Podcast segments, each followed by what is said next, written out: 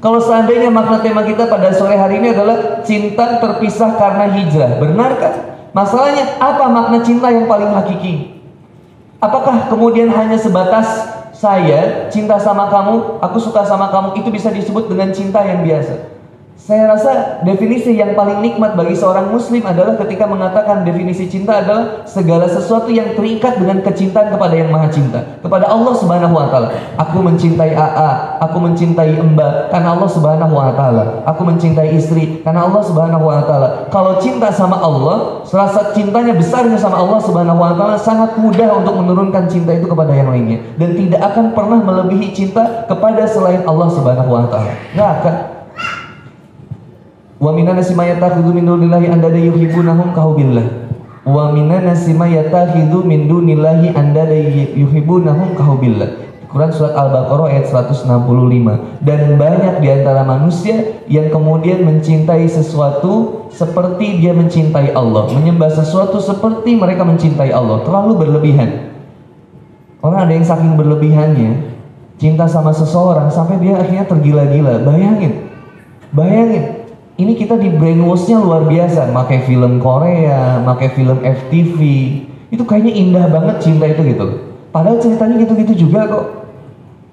Orang kota datang ke desa gaya kaya raya nabrak sepeda. Begitu nabrak sepeda yang tabraknya adalah seorang wanita kembang desanya. Begitu marahan mereka berdua udah marahan udah marah-marahan akhirnya kabur cowoknya begitu kabur dia ketemuin kepala desanya. Ketika ngobrol sama kepala desanya ada project diajak ke rumahnya. Kepala desa ternyata punya anak perempuan. Eh ternyata anak perempuan itu adalah wanita yang ditabrak tadi pagi lagi naik sepeda akhirnya dua ini musuhan banget. Udah musuhan banget ternyata si laki-laki yang dari kota yang datang ke desa ini diam-diam benci sama si cewek desa ini tapi benci itu kan akronim dari benar-benar cinta. Hati-hati.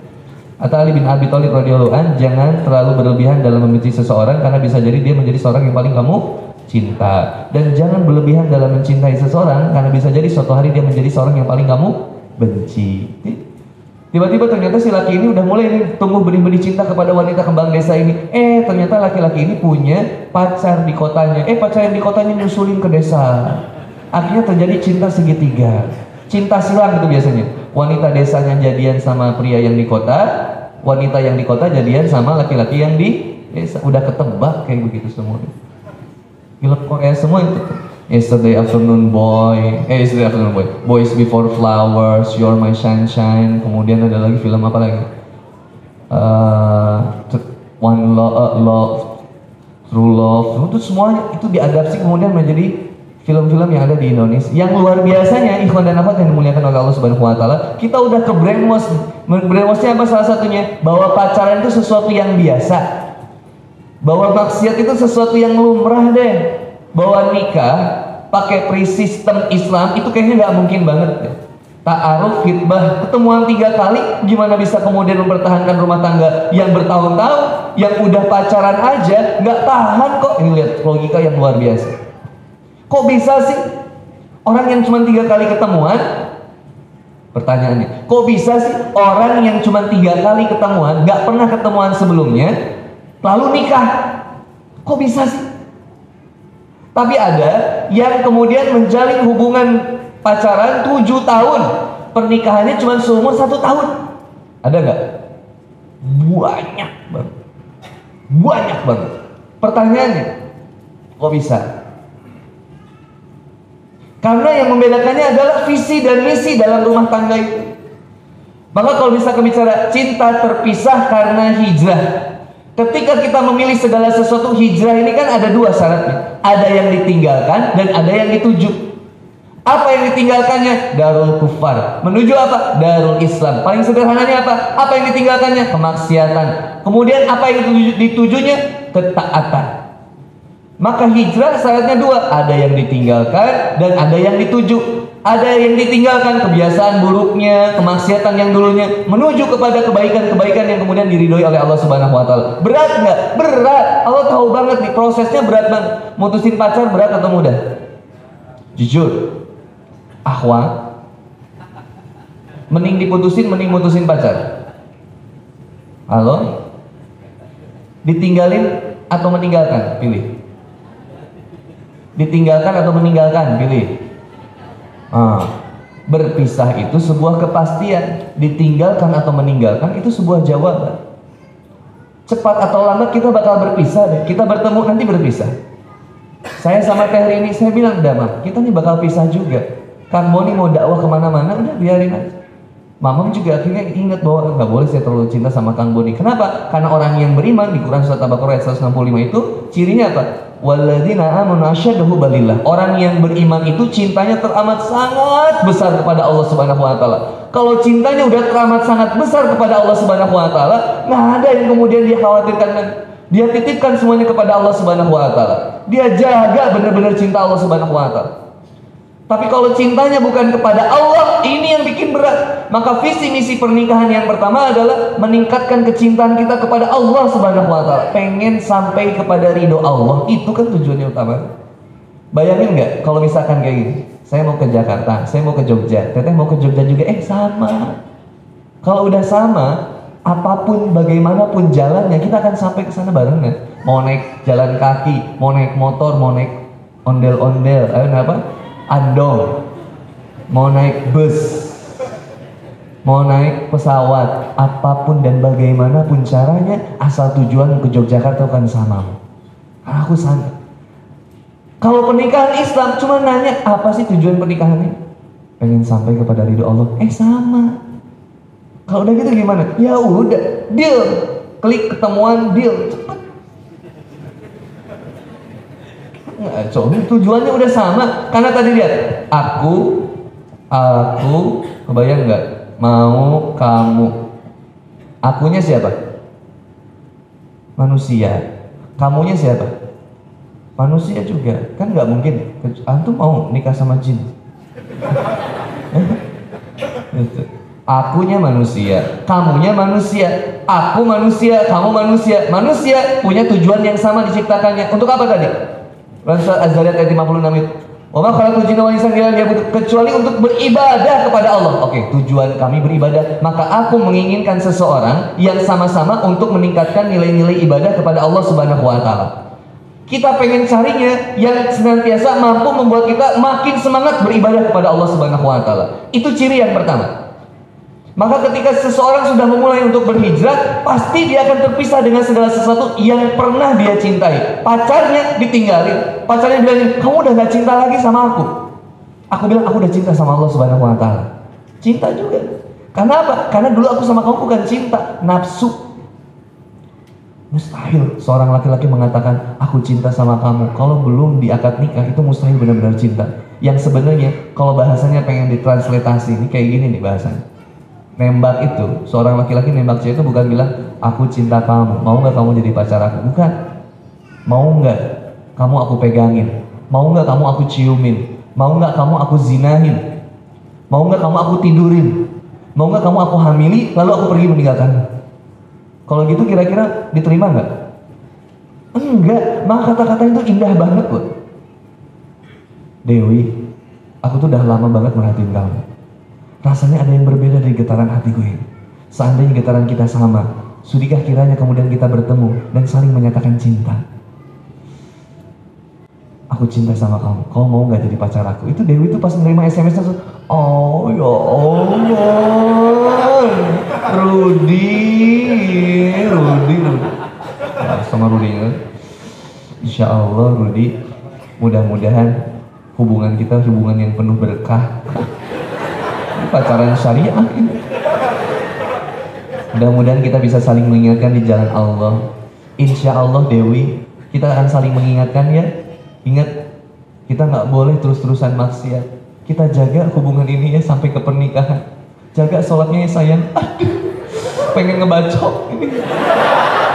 Ini nggak ada yang ini sayang. Sayang, udah aja, please, nggak usah kontak-kontakan. Ahwat, nggak usah kontak. Ikhwan, nggak usah banyak modus. Antum dibuka DM Instagramnya, Assalamualaikum Mufti, Assalamualaikum Mufti, Assalamualaikum Mufti, Assalamualaikum Mufti, Assalamualaikum Mufti, Assalamualaikum Obat yang pertama, sosial media yang pertama, ini generasi milenial 4.0 kata Pew Research ini pengguna sosial media yang paling aktif di generasi milenial. Maka Ahwat yang punya Instagram di di kick semua following yang laki-laki.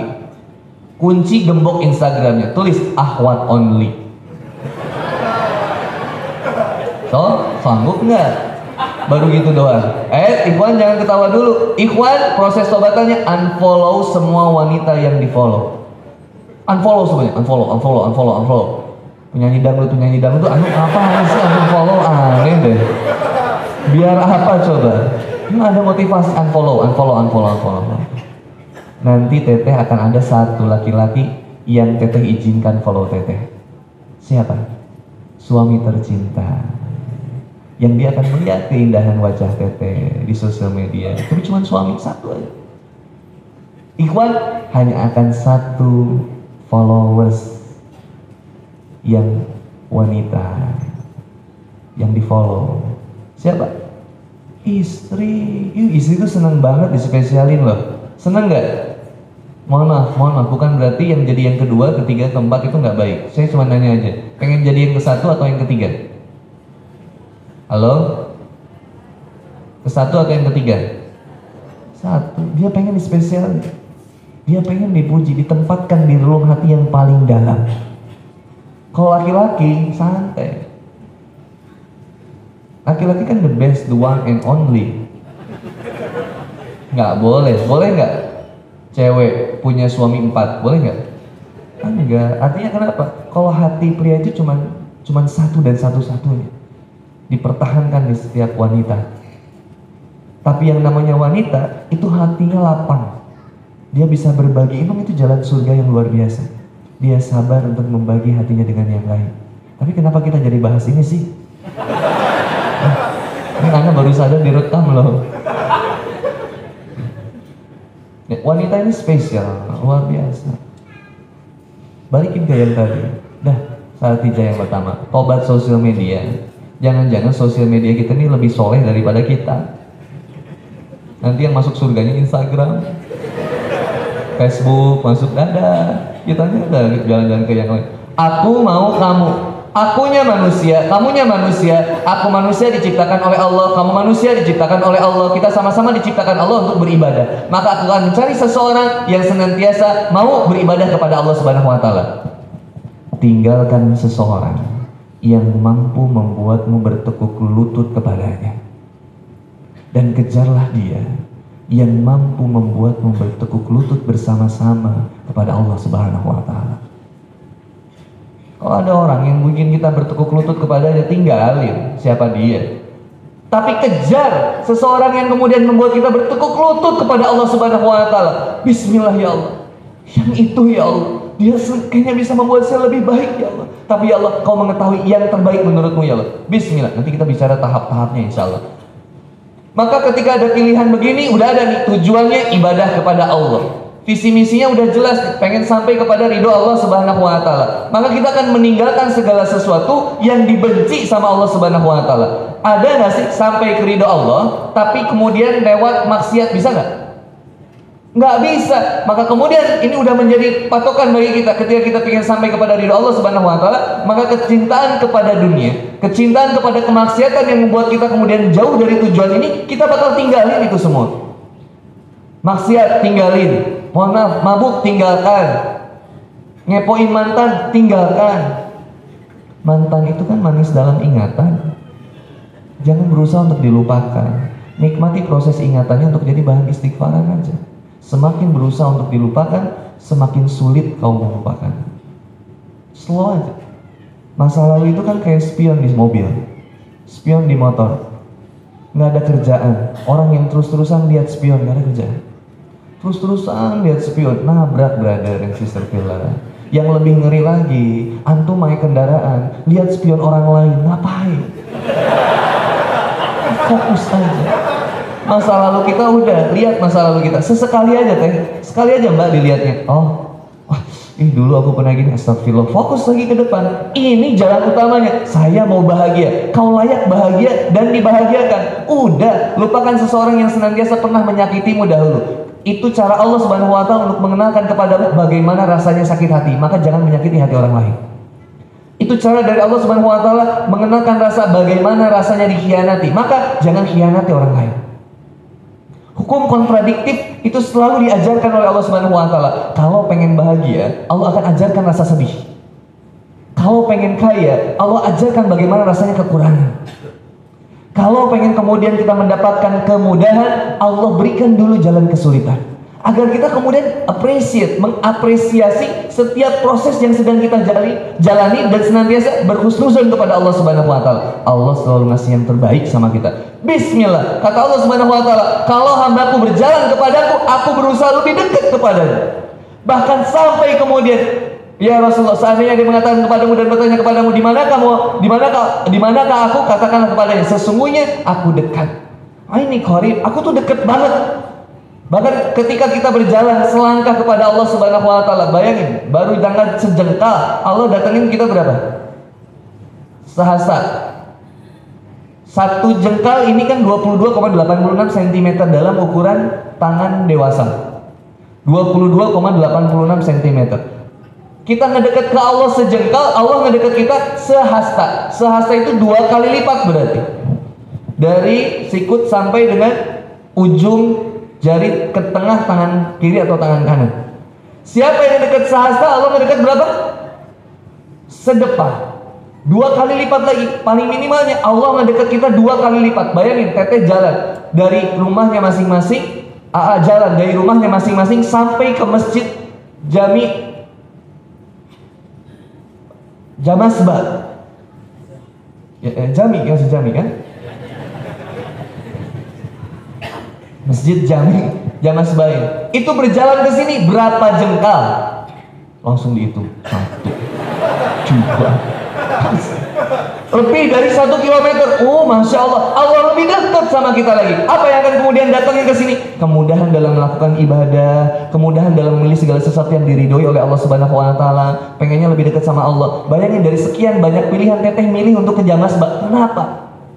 Kenapa harus ke sini Katanya bisa nonton bioskop. Ada bioskop nggak di Bantul? Alhamdulillah. Nggak ada tempat maksiat berarti. Ini ada yang punya.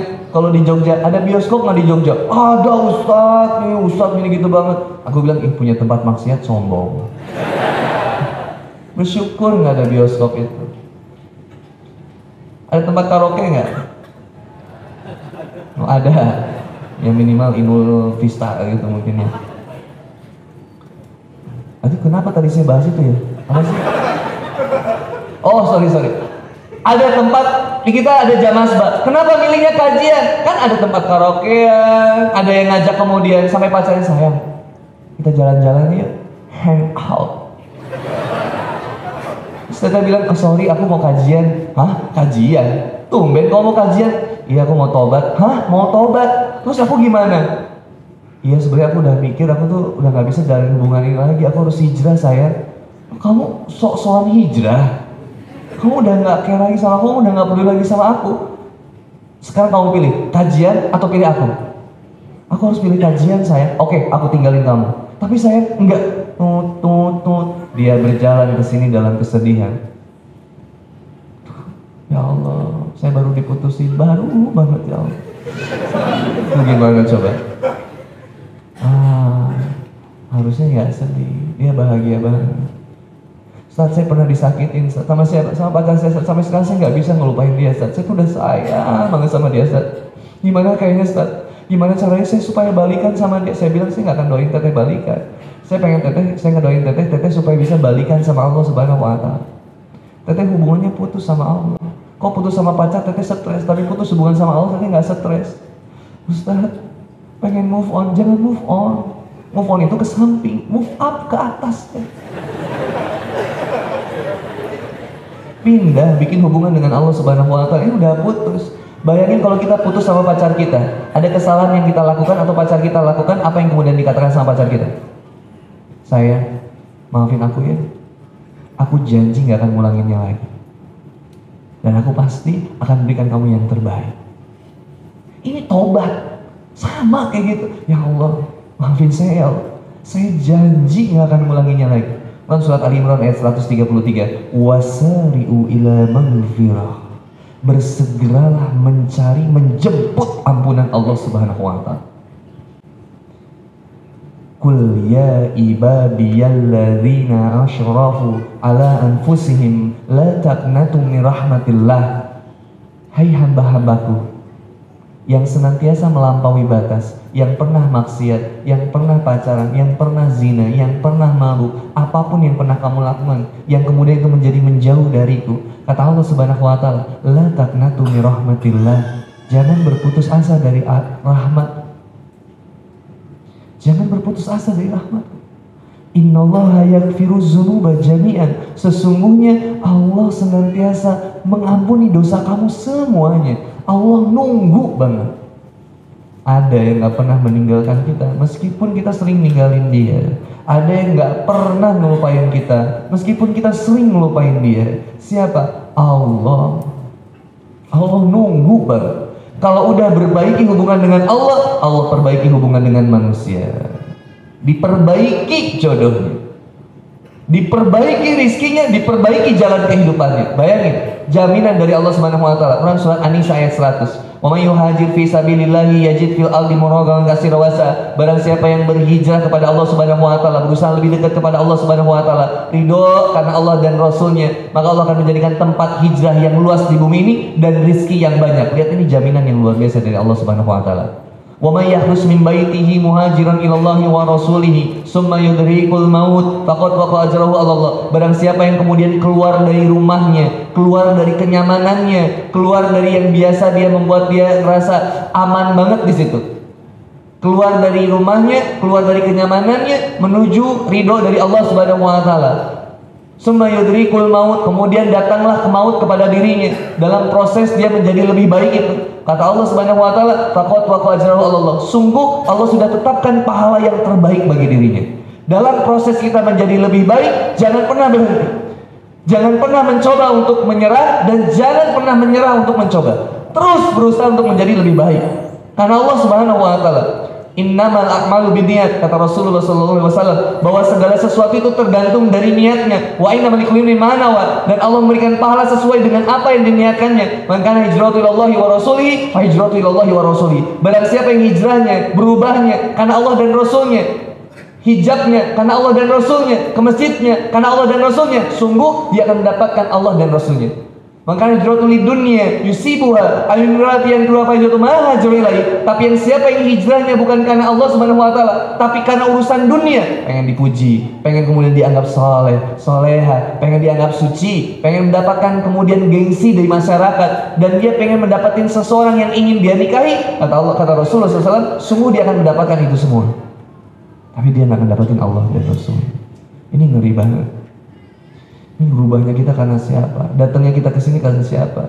Jalan hidayah dari Allah tuh indah banget loh. Ada yang datang ke sini sengaja, aduh ada kajian, saya harus datang. Ada yang ngorbanin, aduh gimana ya, saya harus ngurus anak, ini dusu, gimana saya izin dulu sama suami, bismillah, pak izinin ya, aku ke sana. Tapi kamu bawa anak apa pak? Ya nggak apa-apa, bayangin naik motor bawa anak, tiga lagi anaknya. Satu di ban depan, satu di belakang gendong ini sambil disusuin itu luar biasa. Saya makanya selalu appreciate banget deh ke mami-mami muda yang bawa anaknya. Dia nggak boleh diganggu kalau anaknya ribut nggak boleh dimarahi itu anak siapa? Kasih obat tidur nggak boleh. Sayangin anaknya. Ini saya saya seneng banget nih ngedengar suara anak-anak di di masjid itu. Seneng banget adem gitu. Eh ya Allah generasi saya baik ya. Banyak adik-adik saya ini baik. Ada anak-anak di masjid. Subhanallah karena dulu nggak ngerasain ke masjid. Jadi bahagia nih mami-mami yang bawa anaknya ke masjid, hmm, masya Allah, mami super deh itu. Robi Habli Minasoli, mudah-mudahan anaknya menjadi anak yang soleh soleh insya Allah. Ya, yang belum punya anak mudah-mudahan punya anak ya. Ya tapi udah nikah maksudnya. Hei, alhamdulillah ya. Bayangin, ada yang ngorbanin kemudian, aduh saya harus ngerjain tugas buat besok nih tugasnya belum selesai, bismillah saya mau kajian dulu. Ada yang kemudian saya harus kerja nih, aduh shift malam nih, aduh keburu nggak ya saya harus kerja, ah bismillah. Semuanya karena. Ada juga yang kayak gini, ngejebak temannya, eh antar aku yuk, ke mana? Hmm, aku mau main ke alun-alun sih. Oh gitu, ayo dong aku ikut yuk. Ayo ikut, pas di alun-alun diajak jalan ke sini. Loh, loh, ini ke mana? Ke masjid dulu, aku mau pipis. Oh iya, eh kok ramai ya? Ada kajian, ikut yuk ah kamu aku pulang aja dijebak ada yang gitu berarti tapi nggak akan ada di sini yang dihipnotis nggak ada. Kajian, kajian. Nggak usah dihipnotis. Kenapa? Kelembutan hati. Siapa yang gerakinnya? Allah. Maka kata Allah Subhanahu wa taala, hidayah itu terus-terusan datang sama kita. Kata ulama, hidayah itu kayak air hujan. Dia senantiasa turun. Tapi beda-beda tanahnya. Ada tanah yang besar, ada tanah yang subur, dan ada tanah yang hanya sanggup menampung air itu. Cuma nampung aja, dia nggak bisa nyerapnya, dia nggak bisa ngembangnya. Yang paling terbaik ini tanah yang subur, yang menerima siapa? Setiap orang yang saya temui, dia adalah guru bagi saya. Setiap tempat yang saya kunjungi, itu adalah sekolah terbaik saya. Meskipun harus bertemu dengan para pencaci, pembenci sekalipun, saya belajar dari dia bahwa nggak enak dicaci maki, bahwa nggak enak dikhianati, bahwa nggak enak diomongin orang, nggak enak. Kan berhenti ngomongin orang. Ikhwan dan akhwat yang dimuliakan oleh Allah Subhanahu wa taala. Kunci yang pertama berarti apa? Perbaiki diri dengan diri, perbaiki diri dengan Allah. Ya, perbaikin diri kita. Ini kita lagi ngomongin jodoh padahal. Tapi kenapa sih sampai berbicara tentang tobat? Karena jodoh yang ter itu sesuai dengan bagaimana keimanan kita. Jodoh itu cerminan diri. Kan gitu berarti. Jodoh itu cerminan diri. Teteh bilang, Ustadz, aku tuh pengen banget punya laki, suami yang satu ganteng. Kedua, soleh. Ketiga, hafiz Quran. Kalau bisa rambutnya sedikit pirang. Terus uh, tinggi, ada ininya saat apa kempotnya. Nah terus tajir gitu aja lah. Penghasilannya minimal sebulan 8 juta gitu saat terus aku bilang teh kalau ada juga belum tentu mau sama teteh. Ya, itu aja. Ya coba dong kita kan harus ngerukur